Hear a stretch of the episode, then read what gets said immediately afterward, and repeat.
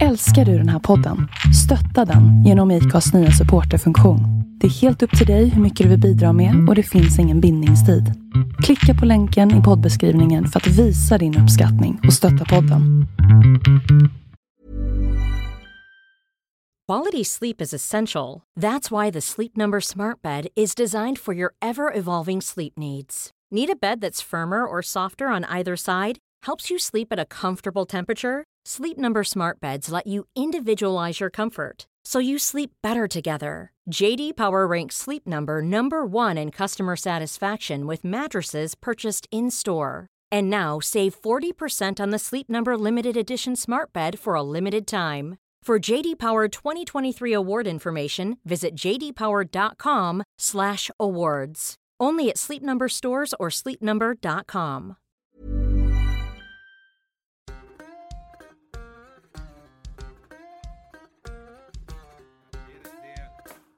Superbra motorcykelväder här så det gör mig ingenting att jag får komma iväg lite. Ja, fantastiskt. Ja, bra. Mm. Bra. Eh, jag tycker vi tar det på uppstuds bara. Så kör jag en liten inledning och sen eh, svarar du på frågor. Absolut. Eh, Låt oss utmärkt Typ det. så är det. Mm. Bra. Varenda film jag såg på när jag var liten. Blade Runner, Femte Elementet, Terminator, Star Wars. De flyger. De flyger med lätthet. De flyger så att det ser ut som att de aldrig har gjort någonting annat i sina små maskiner. Och de flyger ganska tyst. Och så kollar man på datumen som de här filmerna säger sig återspegla. Och nu har ju de varit. Så då är frågan, var i helvete är mina flygande bilar? Så gick jag ut på nätet och så sökte jag. Och så hittade jag den. Och så är den svensk. Och den är byggd av en kille som heter Peter. Och Peter är med i Vi måste prata nu. Välkommen Peter! Tack, tack så mycket. Eh, tack så mycket. Det är inte, det är inte bara möjligt av mig. Jag har en eh, väldigt, väldigt duktig kompanjon, en duktig ingenjör. Han heter Thomas Patan, heter han då. Så det, här, det är vi som har gjort det. att- Det är inte, inte bara jag då, självklart. Då. Det, är- det, är två Nej. stycken. det var två stycken som byggde prototypen. Och nu är vi 12, är vi på firman nu då. Ja. Mm. Och filmen heter alltså Jetson och Exakt. apparaten heter Jetson One. Och för de som, som inte redan har pausat för att googla rätt på hur den ser ut, hur skulle du beskriva den för någon som inte har sett den? Jag skulle beskriva den som en, som en ja, flygande Formel 1-bil. kan jag säga. Men det har rundrarsram med aluminium och så en massa kolfiber på den med armarna med kolfiber och skydd och stolen är som du sitter i, i kolfiber. Eh, Men eh, jag skulle nog vilja säga att det är som en flygande, form, flygande formelbil. Och det är som sagt, det heter Jetson One och det gör den för att, det får plats med en gubbe i den. Då. Så du, du flyger ju själv då. Ja, och Jetson antar att ni har tagit från den tecknade serien, filmen. Ja, stämmer bra faktiskt. Jag har fått Som, mycket... som ju inte är så känd i Sverige. Alltså den har stor, stor reach i USA, men det var inte så många som såg det här vad jag förstår. Nej, precis. Alltså Jetson-serien, och vad jag, vad jag förstår, så den är från 62. Så den är, den är väldigt gammal också. Då. Och den utspelar sig 2040. så, eh, då har vi lite tid kvar då. Ja, precis. Då. Men, men i vilket fall som helst, det handlar om familjen Jetson i USA. De, och de har en flygande bil. Men den flygande bilen de har ser lite konstig ut. Det är som en stor bubbla. Liksom. Mycket, gl- mycket glasyta. Och glasyta var ju väldigt pop- populärt på, på 60-talet. Det skulle vara mycket glas liksom, på bilar och sånt. Ja. Och vi har, mycket, vi har en helt annan idag så skulle det vara förhållandet plåt och glas är ju eh, mycket mindre glas nu då. Mm. Idag. Mm. Man, man kan ju säga att Jetsons är som familjen Flinta fast i framtiden. Om man, om man ska hårdra det lite. Ja, så det är, vårt första, det är den första kommersiellt tillgängliga flygande bilen i världen. Det är ganska häftigt. Ja. Det är ganska häftigt. Det hade vi faktiskt inte vi räknat med. Men tittar man på, tittar man på hela marknaden, alltså tittar man på alla, alla bolag som jobbar med flygande bilar, så är vi ungefär, sist jag kollade, så är vi 200 stycken ungefär. Av Ganska dem- många. Ja, fast vänta. Det, det, blir bättre. Av de här 200, 180 ungefär, har en PowerPoint-presentation med lite illustrationer på hur de, en bil, någonting som de vill bygga. Och så har de övertalat någon onkel att investera en miljon dollar. Det är ungefär, där har du 180 av 200 företag. Då. Sen har vi 20, Mm. det är sådana, det är så här, de, de här som är kvar, då, 20 stycken. Då har du Boeing, Lockheed, Airbus, och några andra, alltså lilla, lilla, lilla Jetson. Och de här har då, av de 20 så är det tre som har faktiskt visat någonting på riktigt som kan flyga. Så ser det ut idag, idag ungefär. Mm. Och vi är de första som säger att vi kommer ta den här i serieproduktion ganska snart, för vi har, det är ganska enkelt, det är pragmatiskt byggd. Um, förhållandevis enkel konstruktion. Uh, och vi säger då att vi kommer börja serieproducera de här under nästa år och vi är on target för att kunna göra det faktiskt. Så jag tror. Vi kommer kunna leverera 200 stycken i höst, hösten nästa år. Det är planen. Mm. Hur ser stigningen där ut? Nu kommer vi in på de företagsekonomiska mm. grejerna, men jag tänker att eh, det första jag tänkte på var vad, vad kostar den? Och det är i runda slängar en miljon. Ja, det, det är väl något sånt. Det är 92 000 dollar. Sen skulle jag lägga på moms på det också, för att du bor i Sverige. Ja. Uh, så ja, det blir väl en miljon ungefär. Det är helt korrekt. Mm. Och hur mycket kan det priset tryckas ner med hjälp av att ni producerar större nummer?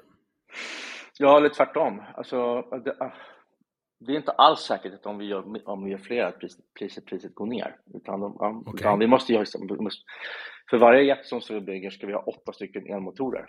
Ja, de här elmotorerna som vi har, som vi har valt, alltså det är våra egen, vår egen spes. Det är inga off-the-shelf-motorer, utan vi har designat dem själva och köper, köper dem på beställning. Och de ska då byggas speciellt till oss och det är inte alls säkert att vi kan eh, skala upp produktionen mm. Bortom 100 stycken ex i månaden. Inte alls säkert. Ah, okay. ja. inte alls säkert. Kanske går. Ja, men vi, sen är det också som så att batterier och sånt som, som varit ganska förhållandevis billiga sista åren, de håller på att gå upp i pris nu. För att det är brist på litium. Mm. Så det är inte alls säkert att den kommer att bli billigare. Det är inte, det är inte alls som när plasma-tvn kom, kommer du ihåg det? Ja, ja, ja. ja alltså, Storbilds-tv överlag. Ja, liksom, men, nu... I början på 2000-talet så stapplade jag in på något som heter, som heter på Sankt Eriksplan i Stockholm fanns det en, jätte, en, en, en ljud och bildbutik som var ganska så fin. Man hade Bang Olufsson och lite sånt. Gick man in där så, så såg jag den första plasma-tvn. jag kommer ihåg att det var Panasonic, eller något, jag, kommer, något, jag tror det var Panasonic. Och den kostade 120 000 kronor. Mm. Vi var ett gäng, gäng grabbar som såg den här. Och eh, de hade fått in 12 stycken i butiken och de var slutsålda. Oj, tänkte jag. Då, ja, så sen så tog det bara tre år, fyra år, då hade jag köpt min första plasma-TV och den betalade jag 35 000 för. Mm. Och så fem år senare så köper du plasma-TV på bensinstationer för 2 000 kronor. Ja, så på tio år. På nu... köpet på Clas Ohlson om du handlar för över 100 kronor. Precis, då. Men, ja. Och det var mycket, mycket sådana här grejer, som, som CD-spelare. Första gången jag såg en CD-spelare på 80-talet, det kostade 10 000. Ja, mm. så sex år senare så var, liksom, var den inbyggd i bilen. så att jag menar, det, alltså, jag, tror, jag tror inte att det kommer bli samma, samma resa, samma extrema prispress på, på, på flygande bilar. Som det är på elektronik. Vad va synd. Det är synd, för jag har inte en miljon just nu att lägga på den, även fast jag, jag har räknat på det. Ja. Uh, för det, det, finns få saker som har väckt mitt habegär så jävla mycket som när jag såg den här saken. Mm. Och, alltså den, den, ser ut som, du säger Formel 1-bil, men den ser ut som en Formel 1-bil som har fått ett barn med en drönare, för det är ju propellrar i alla hörn. Mm, precis. Uh, för, för, att man ska förklara för ja. Men det är alltså två motorer i varje hörn också, och då antar jag att det är motspinnande propellrar. Precis, så det är då, ja. på fackspråk kallas det här för H-konfiguration. Okej. Okay. Så att det, och ja, vi tror på Jetson, när vi har experimenterat med alla möjliga olika typer av konfigurationer och platser du ska ha propellrarna på. Så det här är det som kommer, det här, är, det här är den konfigurationen som kommer vara vanligast. Um, så den har då i varje hörn, tänk dig ett H då, så i varje hörn har den två stycken motorer och de är koaxiala, det kallas för. Det vill säga de, de mm. mot, roterar mot varandra.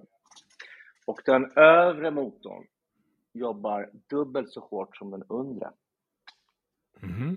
Och det har att göra med att den undre, den hjälps till utav att den, att den, att den då har, att den övre propellen trycker ner luft på den. Så blir det lättare för den att snurra. Mm. Ja. Utan att bli för tekniska ja. då, alltså är det så att den övre propellen har ett fast varvtal Nej. Och Absolut. den undre... Nej, okej. Nej, absolut inte. Det är bara, så är det. Utan varvtal och så vidare, det regleras av motorkontroller som sen regleras av en dator. Så du har ju en dator, en dator som styr varvtal. Och det är med varvtalen, till exempel med att justera varvtalen på propellrarna som du flyger.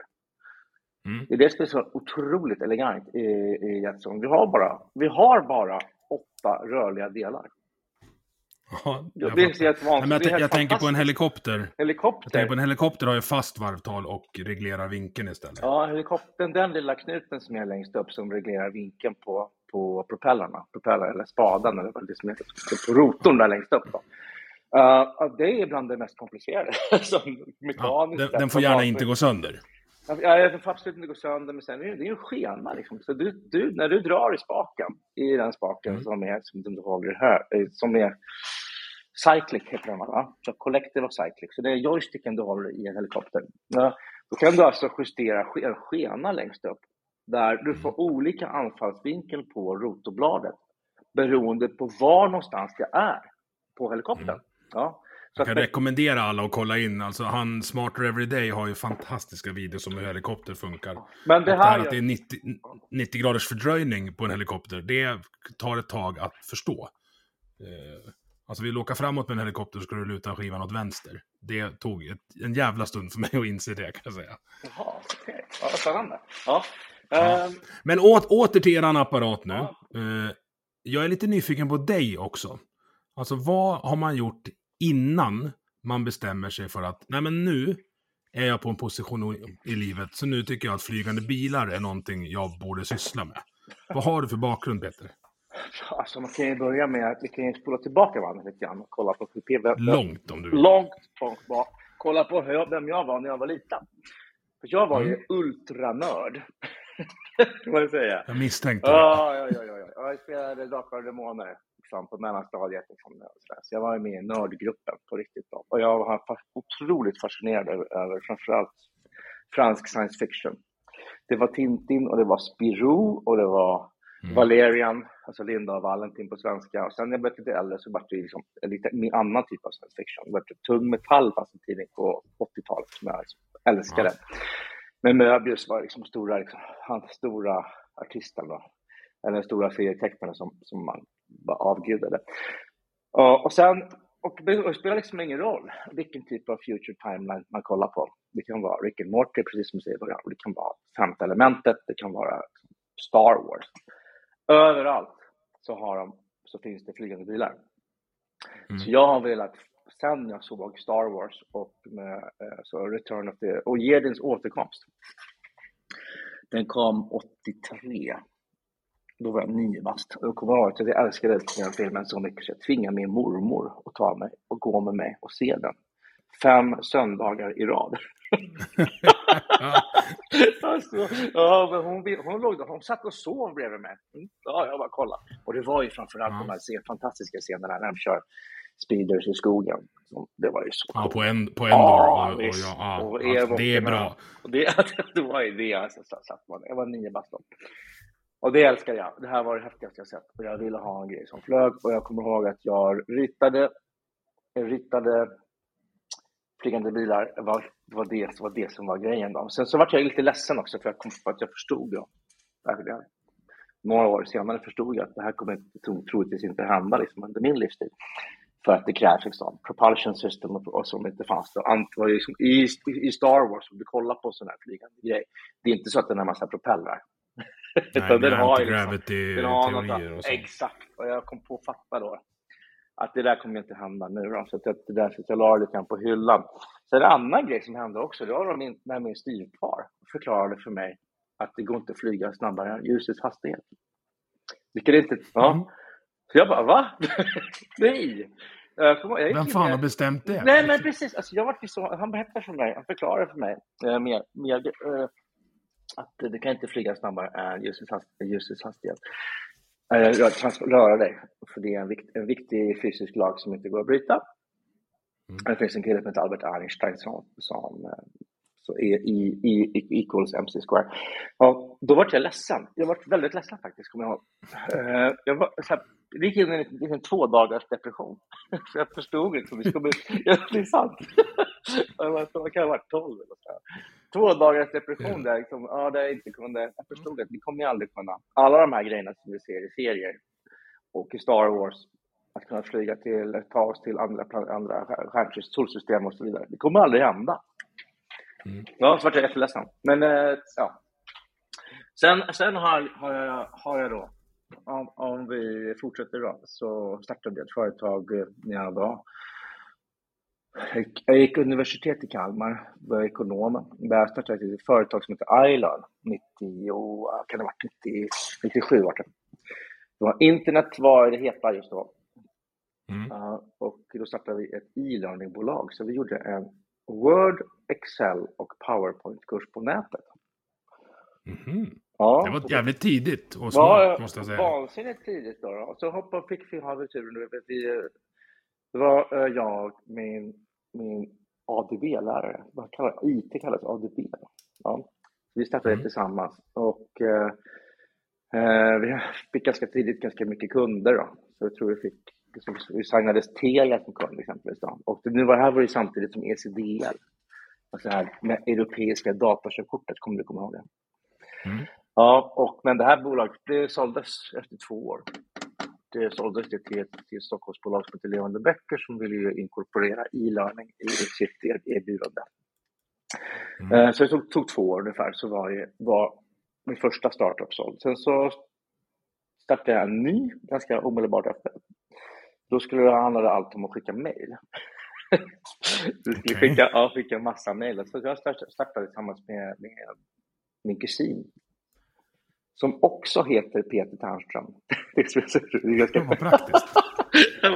Hej, jag är här för att träffa Peter. Bara, mm, vi, hade, vi hade väldigt, väldigt kul. Han heter egentligen John Peter Ternström, men, han, men det blev Peter, Peter Ternström när han växte mm. upp.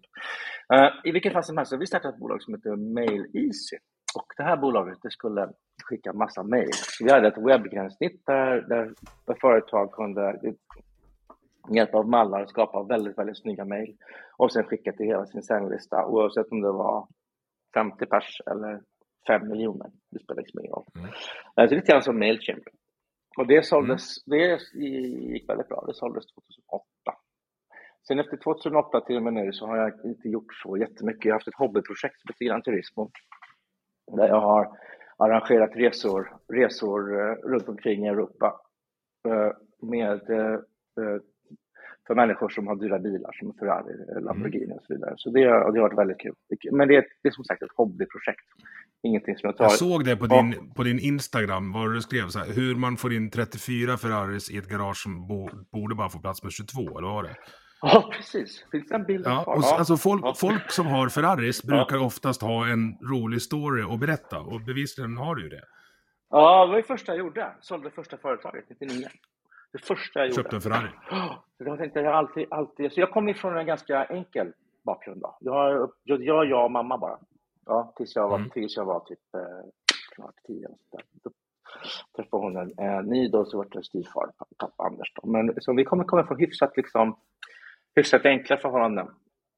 Eh, inte alls silver och silversked i mun, alls. Nej. Utan det är liksom... Eh, Self-made. Precis då. Jag är väldigt stolt över det. Att ja, det, är så, det är så det var. Och jag kommer ihåg något när, det var 6 mars 1999, då förändrades mitt liv radikalt om jag med den första försäljningen, det första bolaget. Så från det, det, det, det datumet kunde man kunde jag förverkliga många av de drömmarna som man har haft. Och en dröm var ju självklart att köpa sig en jättefin bil. Då köpte ja. jag en Ferrari 355 hette den. Jävlar vad kul jag hade den bilen. Vansinnigt. Det kan jag tänka mig. Ja, var jättekul. Herregud. Tänkte själv. Jag gjorde baskeprovet den helgen, så det, jag har också, också koll på det datumet. Vad, vad sa du? Vad hette det? Jag gjorde baskerprovet eh, 4, 5, 6 mars 99. Bara en liten passus. Så jag, när du körde Ferrari så låg jag i skogen i Kungsängen i lera. Så Ja. Vet du vad? Alltså jag har ju faktiskt gjort uh, I1 va? Kungsängen. Ja, fast jag är K1 så jag är lite finare. Ja, jäklar. För jag gjorde ju, ja. jag gjorde ju FMCKs ordinansutbildning när jag var 15-16. Ja, det, ja, då, och den då har vi sprättat omkring på samma grusplan. Ja, precis. Ja. Då var det, var det både K1 och... Det är, det är både K1 och I1 vi var på. Dels var det K1 då. Och, och sen var vi ute och Ja, körde. nu vart det ett stickspår här, men just Ja. det datumet. För, för Ja. här, basken ligger här. Det är 19 år sedan, eller 20, 23 år sedan. Men det, den ligger kvar här. Jag har, aldrig, alltså jag, jag har inte kvar mycket grejer i 23 år, kan jag säga. Jag brukar tappa bort saker ganska fort. Okej, ja, Men du, ja. Åter, så så då, då eh, kände du att ja, men förmodligen inte behövde jobba något mer, hade en slant över och bara, vad Jo, ska jo. jag göra nu? Jo, men jobba måste man. Måste man. Så mycket pengar inte. Så att det var just Nej, man okej. ska jobba vidare. Ja. Eh, Så, eh, men vilket fall som helst. då, Så under min... Jag träffade Thomas 2011 tror jag var. Och han, Thomas är en otroligt duktig ingenjör som han bygger eh, drönare och var på den tiden som inte DJI, de här kinesiska drönarna fanns. Utan de som hade drönare, de hade faktiskt byggt dem själva. Mm. Och han byggde drönare, stora drönare som var 1,30 var de stora. Byggde han hemma i garaget och så satte man dyra kameror under dem. Och så här Red One tror jag det heter, den här kameran. Och han sålde den här. Svin, alltså svindyr. Är, Ja, så han de är, ja, Mm. ja, jättedyr. Precis, och så vi pratade och han var med och filmade en grej åt- mig och och vi blev, eh, vi blev ganska bra vänner. Sen 2017 på hösten så slår jag honom en signal och frågar om det är fysiskt möjligt om man bygger en sån här drönare fast, fast vi gör den så stor så vi kan lyfta 80 kilo då. Jag tänkte ta mig själv. Mm. ja, och då sa han att det där skulle man nog kunna göra. Ja. Det skulle vara så att jag, vi startade bolaget Jetson AB, aktiebolag.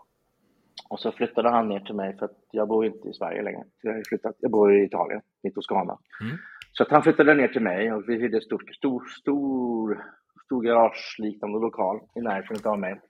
Köpte aluminium, köpte motorer, köpte batterier och verktyg och her- herregud, massa prylar. Och ganska fort, tog ett halvår ungefär, så hade vi, så hade vi faktiskt hade en prototyp som kunde flyga. Eh, och det var på våren 2018. Men den här grejen, det såg ju alltså inte alls ut som en Jetson One. Den såg ju väldigt enkel ut. Jag kallar det som en, det ser ut som en flygande aluminium, aluminiumstege. Mm. flygande aluminiumstege med en racingstol på.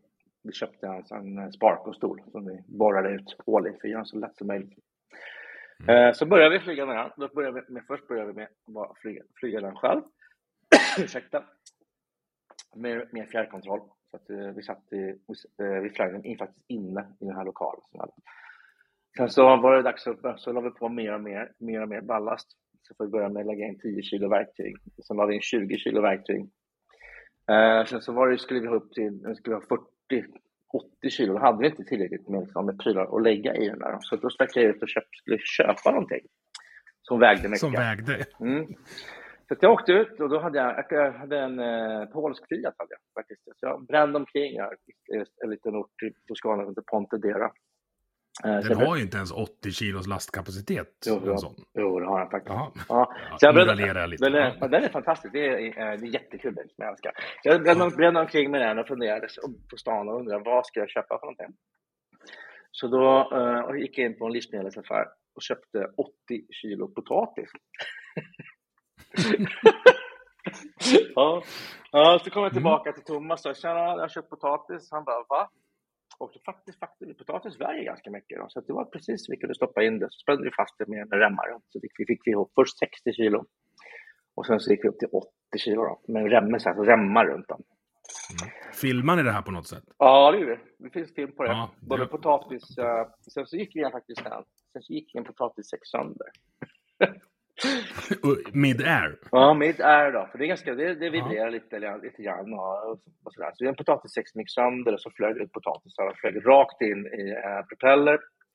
Och så vart det spred ju potatis så det såg så, så härligt ut. Det var bara, det bara flög. Så då hade ett- jag hade en liten äng bredvid, bredvid vår bredvid den här lokalen då. Så det var en tant, just det, det var en tant.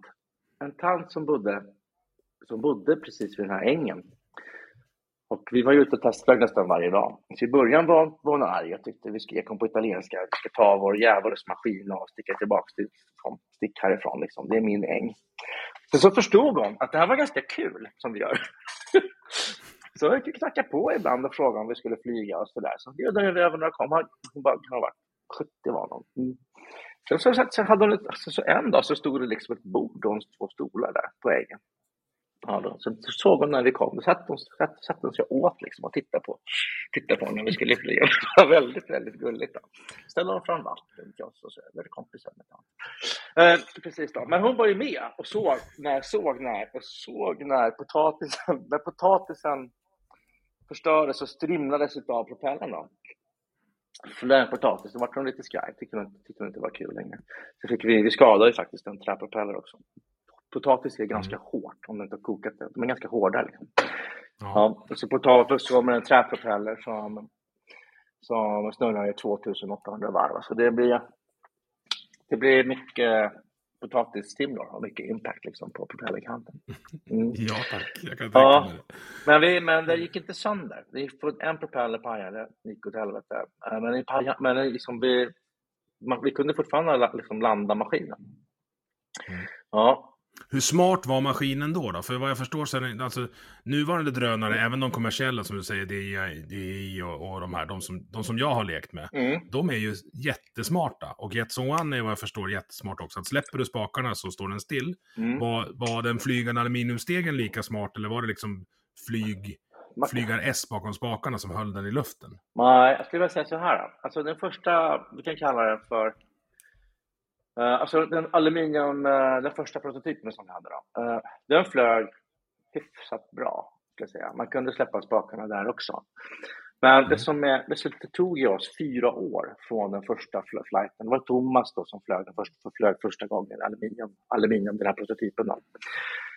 Därifrån till idag, när vi har den kommersiellt redo Jetson One, som vi, som vi har sålt nästan 400 ex av, det kan vi komma tillbaka till de här fyra åren har vi spenderat framför allt med att göra flygdatorn bättre.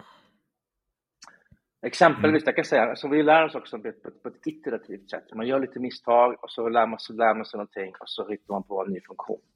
Det är så det funkar. Så vi har ju faktiskt vi har ju kraschat och kört in i träd hårda landningar. Vi har gjort, vi har gjort allting. och ju mer sådana här misstag som vi gör, som jag och Thomas gör när vi är ute och flyger, desto färre av de här grejerna kommer hända när våra kunder flyger om två år. Ja, så det är jättebra. Ju flera grejer som händer oss nu, det är bra. Då lär vi oss. Exempelvis då, kan vi har en eh, funktion som heter Magic Cushion. Eh, och den gör, den gör då att den tittar med en laser ner i marken. Och ju närmare du flyger marken, desto mindre meter per sekund tillåter datorn att du, att du, att du, att du ökar eller sänker all altitude. Det vill säga, ju mm. närmare, ju närmare backen du kommer, desto långsammare kan, du, kan tillåta datorn att närma sig marken. Och det känns lite... En inby inbyggd tröghet liksom. Ja, precis. Och den tillkom ju för att jag, jag är idiot liksom. Ja, ja, landade så hårt så att jag fick, fick så jätteont i arslet. Och Thomas sa det här var det roligaste han sett någonsin tyckte han då. Tyckte han då. Jag fick ganska ont liksom, inte bara rumpan utan även liksom i, i ryggen. Och då så sa jag, tänkte så här, eller Thomas, hörru, tänk om vi har en funktion som inte tillåter liksom, hårda landningar. Han bara, ja, men det är väldigt bra. Liksom. Ja, så att det, den funktionen tillkommer på grund av att vi har, vi har gjort bort oss en gång. Mm. Ja, och det finns flera sådana här grejer också. Det finns, jag kommer på, det finns alltså flight modes. Vi har en flight mode som är till för när, man, när du lär dig flyga. Och den är, har, alla spakarna är tillåter du får, den tillåter inte samma aggressiva flygning som den gör, som den gör i läge sport och advanced. Ja. Mm. Lite grann som en, uh, som en bil också gör, men man har sportläge så, så kan, man, kan man gasa med. så är det i Jetson också. Ja. Mm. Och det här fly-by-wire-systemet som, du, som det kallas, det är ju inte specifikt för drönare, för även alltså, moderna stridsflygplan, de coolaste grejerna vi har, gör ju så också. Du kan inte flyga ett JAS eller ett F-18 Hornet på, på samma sätt som du flög en dubbeldäckare andra världskriget. För de är för avancerade. Har... Alltså jag, jag, har sett någon sån drönarfoto och, och data på hur ofta JASen eh, justerar eh, sina främre, de små vingarna. Mm. Och det är liksom, det är hundratals gånger per sekund.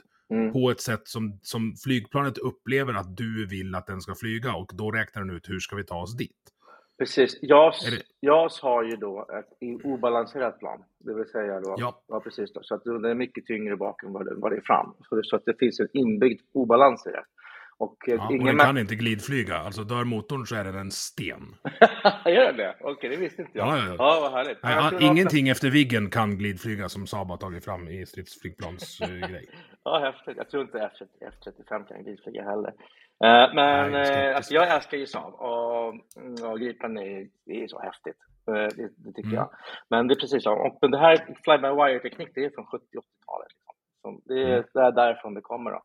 Airbus var ju pionjärer på, på fly-by-wire, att inte tillåta planet att ge sig in i ett läge som det är stålar och så vidare. Så du kan fysiskt inte ståla ett, ett, ett, ett Airbus-flygplan. För du kommer inte, kan inte ta dig till en sån situation. Utan du kommer alltid, den kommer alltid öka farten alltså över stålfart genom att sänka nosen och så vidare. På gott och ont. Då. Mm. mm. Det finns ju ja, till, ja, Boeing 737 Max Står det det på flygplansstolen i den här manualen flygplan, då ska, du, då ska du gå in planet. Så där har de alltså, ja det ska du, du ska inte flyga 737 Max. Uh, uh, uh, ja, för att det har ju då ett fly-by-wire-system som de har, som Boeing har outsourcat till en indisk programmeringsbyrå. Ja, för att spara pengar. Ja, det, det här är sant. Det här är, det här är sant, jag säger nu sant. Ja. De outsourcade, de outsourcade sitt fly-by-wire-system alltså, så till, till några som inte fattar hur flygplan funkar. Och så att det här planet då kan komma in i ett läge där det trycker nosen i backen, för det tror att det, kom, att det håller på att ståla. Ja. Hur läskigt är inte det här? Och vet du, det var två eller tre stycken olyckor på grund av den här buggen i deras fly-by-wire-system. Hur läskigt är inte det? Ja. Det är ja. vansinne att de är uppe i luften då, måste jag Nej, de har, ju, de har ju fixat buggen, men alltså, hade du velat sitta i en 737 Max? Nej. Nej, inte jag heller faktiskt. Då. Ja. ja. Om man, man släpper ut ett flygplan med en sån här uppenbar bugg, då, kom, då kan man ju göra det igen. Då har ju brustit liksom i hela deras...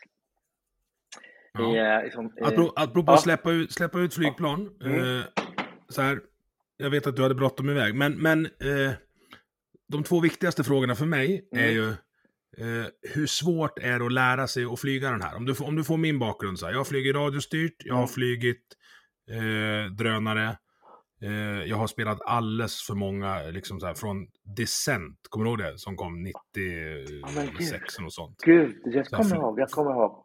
Det var första spelet Världens, som... ja, världens bästa spel. Första riktiga multiplayer-spelet som, ja. som, som funkar i, i LAN. Uh, ja men så, jag har alldeles för många flygtimmar i datorn i alla fall. Eh, kan jag sätta mig i den här och liksom bara köra?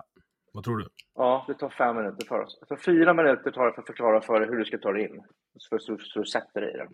För det måste, ja. vi, måste, tar det en minut för mig. Eller Thomas förklara. Jag tror att det, det, här, du får nog lägga på uh, uh, 30 till. För jag är fruktansvärt ovig och uh, väger 110 kilo. Så jag vet inte ens om man kommer in i ramen. Ja, men det gör det nog. Det gör det nog. Jag, det är, ja. men alltså, det, det, är superlätt att flyga. Och, alltså, det, det du gör, du sätter i den och så trycker du på en knapp så för att starta, starta systemen. Då piper det till att den är redo.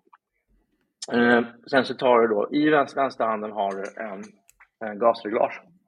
Så drar du det långsamt framåt. Mm. Så kommer motorerna börja spinna och sen så plötsligt så, så, eh, så flyger det.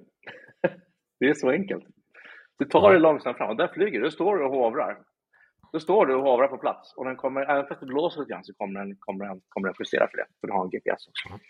Sen drar du i höger, så, i högra handen har du en joystick och där har du tre axis då, så du kan dra den framåt, bakåt. Drar du framåt så flyger den framåt, drar den bakåt så flyger den bakåt och du behöver inte kompensera med mer gas, för den, den, den, den håller reda på höjd själv. Mm. Ja. Mm. Och sen har du, till, om du drar joysticken vänster och höger, då är det sidestep, vänster höger.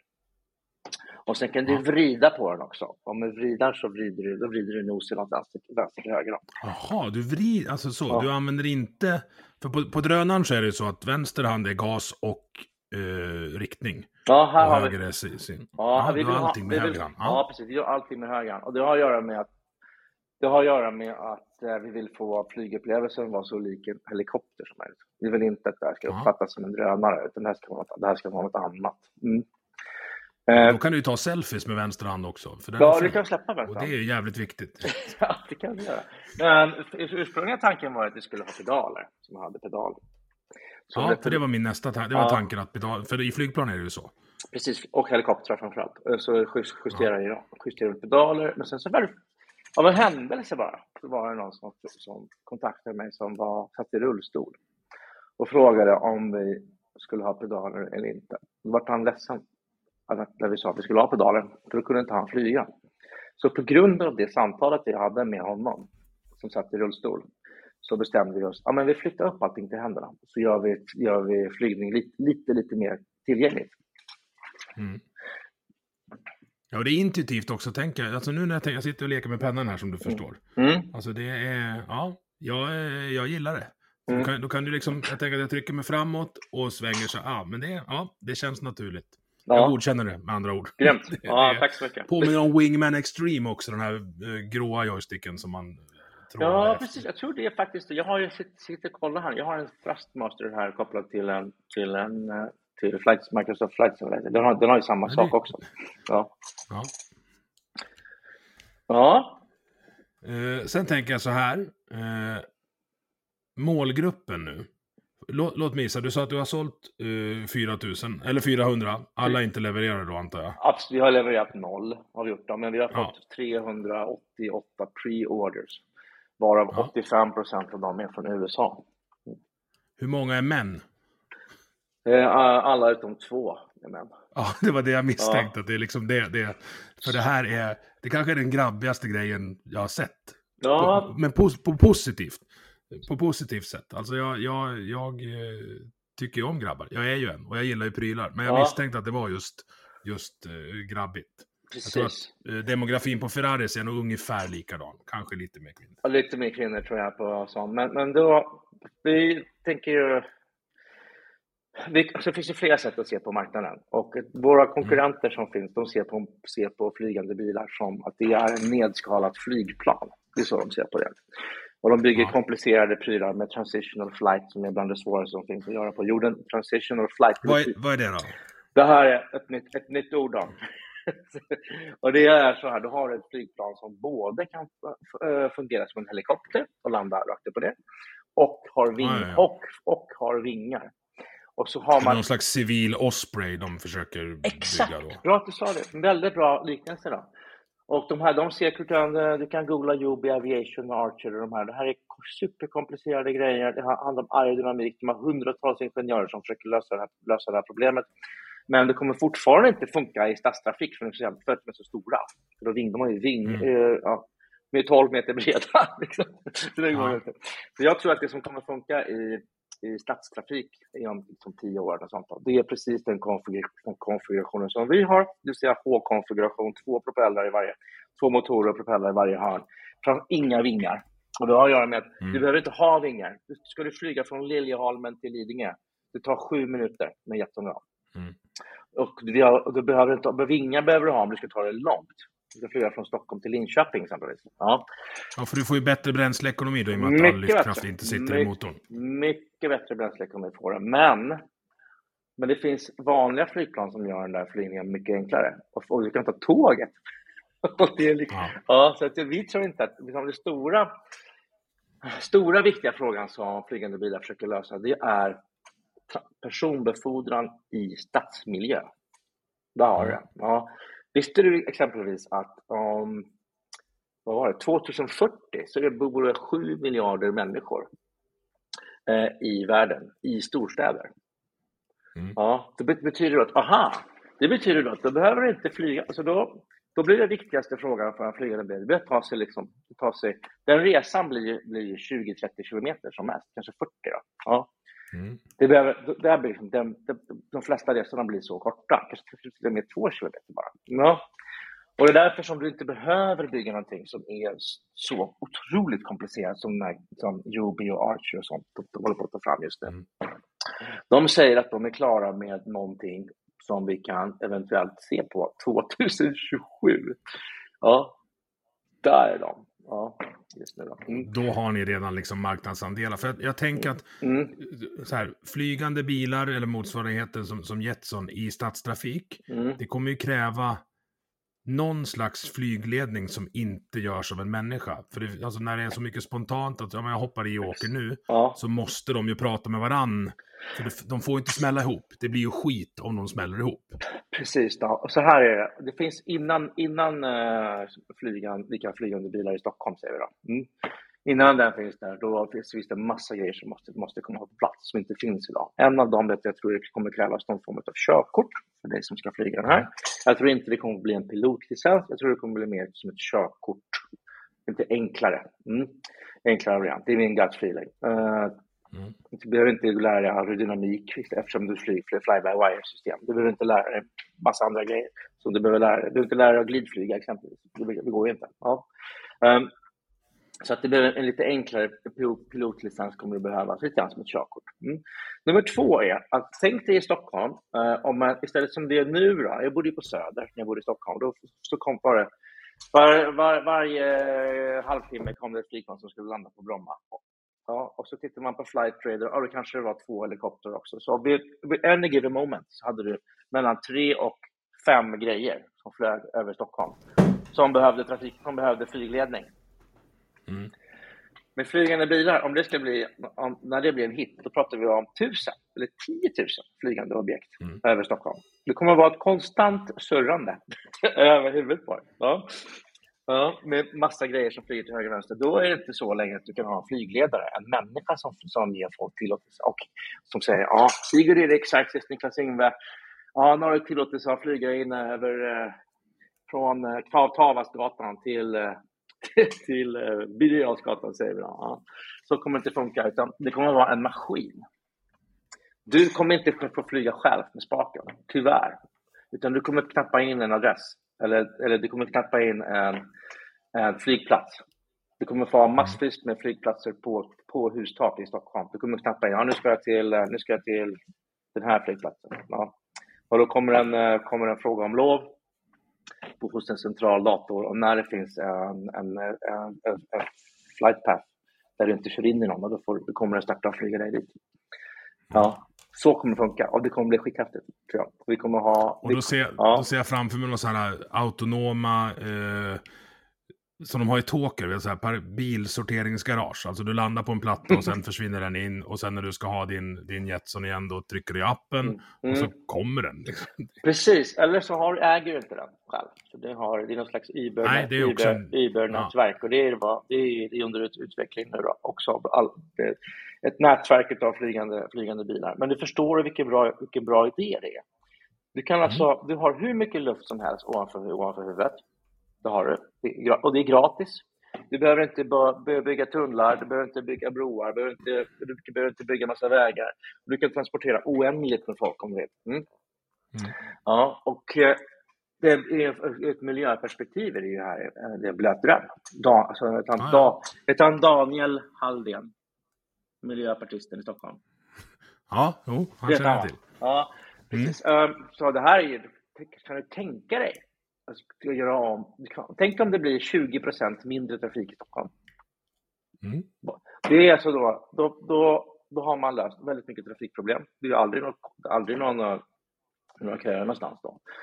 Vi kan kommer kunna göra om massa fina ytor och ge tillbaka till folk som åker skateboard eller sådana här vojar och cyklar och folk som går och göra, göra, göra staden lite mindre gråtrist. Mycket mer grönområden. Mm. Så det är en fin framtid. Jag hoppas verkligen. Jag, jag, är, fram, jag är optimist. Jag, tycker, jag tror flygande bilar ja, kom, det är jag, nästa jag stora det. grej. Alltså jag, gillar, ja. jag gillar det jag hör. Ja. Och sen, alltså det finns ju praktiska tillämpningar. Jag tänker, alltså, fatta att ge ett par sådana här till sjöräddningen. Så man kan åka ut med någon uppblåsbar grej och bara släppa på folk när de håller på att drunkna.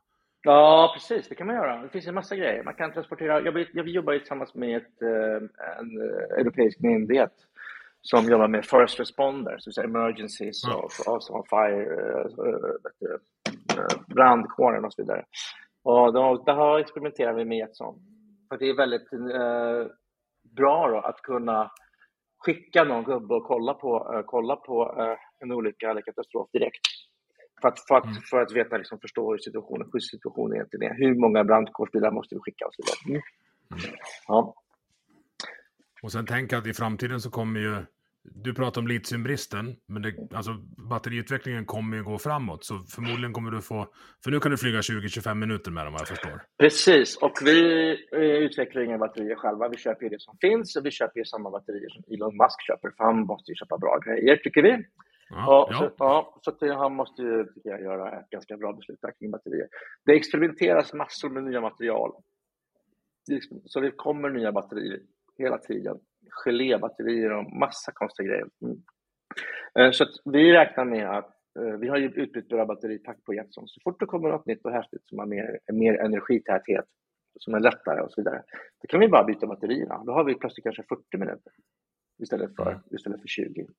Men, det, men jag tror att 2023, de första som får leverans av Jetson, de kommer att vara mellan 25 till 30 minuter kommer de kunna flyga.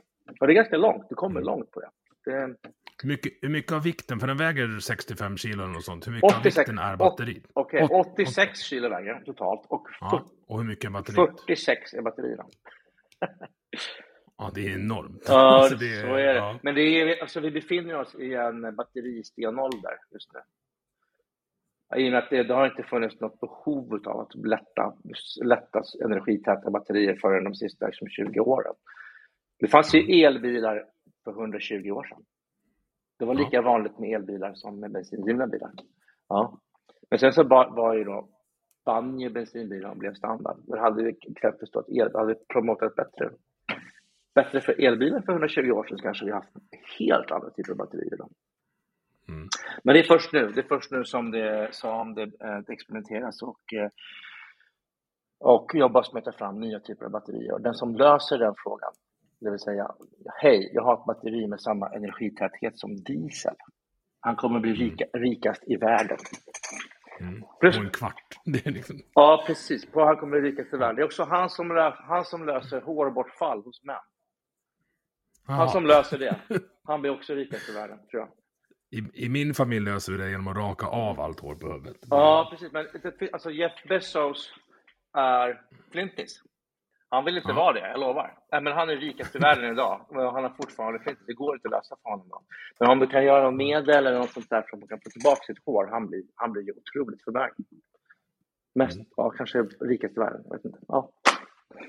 Du Peter, det här, eh, jag vet att du har bråttom iväg. Det här var otroligt spännande. Jag skulle gärna vilja prata mer med dig om mer framtidsspaningar, för det känns som du har liksom lite koll på det här och ligger i framkant. Hur gör man om man vill följa utvecklingen av Jetson, som det... säkert många lyssnare som har tagit sig igenom hela podden vill nu? Ja, du kan följa oss på våra sociala medier. Det finns på Instagram, Youtube framför allt. Eh, jag så tror jag finns på Facebook. Fast jag finns det nog också tror jag. Det är nog en bra, bra idé att göra det. Jag tror, jag tror faktiskt vi har en TikTok-kanal också. jag, jag, skäm, jag skäms lite för det. Om, om vi har det så skäms jag. Ja. Mm. Och hur gör man, kan man få provköra? Det är nästa fråga. Ja, vi kommer ha... Har ni, ja, vi kommer har ni ha, demodagar? Ja, vi har det. Vi har, kommer ha i oktober. kommer vi ha det. Oktober, november så kommer vi ha demodagar. Men då bjuder vi in eh, folk som Richard Hammond, Jeremy Clarkson, det är den typen av, av folk som vi kommer börja med. Ja. Ja. Som Rickard eller Jeremy lyssnar så kan ni anmäla er till Peter. precis. Ja, precis. Uh, men det är lite sådana superkändisar vi ska börja med. Ja, det är bil, framförallt från bil, bilsfären. Det, alltså, som mm. De andra de här företagen de bygger flygande bil och utgår från, en, från ett väldigt komplicerat och, uh, flygplan. Så de bygger den från ett aerospace-perspektiv. Vi bygger Jetson från ett bilperspektiv istället. Och vi kommer angripa marknaden från ett bilperspektiv också. Så att vi tror att en köpare av en Jetson äger en Porsche eller en Ferrari eller en Lamborghini, har en fin bil i garaget. Och han är inte flygnörd. Han är inte sån som har en Cessna. För, han, för, flyg, för, för, för kunden för Jetson är inte en flygnörd, utan det är någon som vill ha ett lätt, kul sätt att, ett kul eh, sätt att pröva, pröva på att flyga och också ha, ha roligt. Men han vill inte ha pilotlicens och flyga Cessna. Liksom. Det, är, det är två, olika, två helt olika typer av människor. Jag ja, ja. Men tack så mycket du, Emil. Jag, jag måste tack så mycket. Springa. Mm. Ja. Det var jättetrevligt att vara med. Ja, ja tack så mycket. Tack Hej. så mycket. Hej då.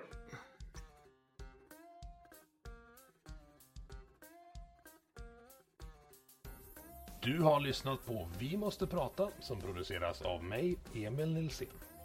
Tycker du om det du hörde? Dela avsnittet med dina vänner och på sociala medier. Vill du stötta podden kan du göra det via Patreon där du hittar den på patreon.com snedstreck vi måste prata i ett ord. Eller så swishar du en slant till nummer 123 671 46 79. Vi hörs!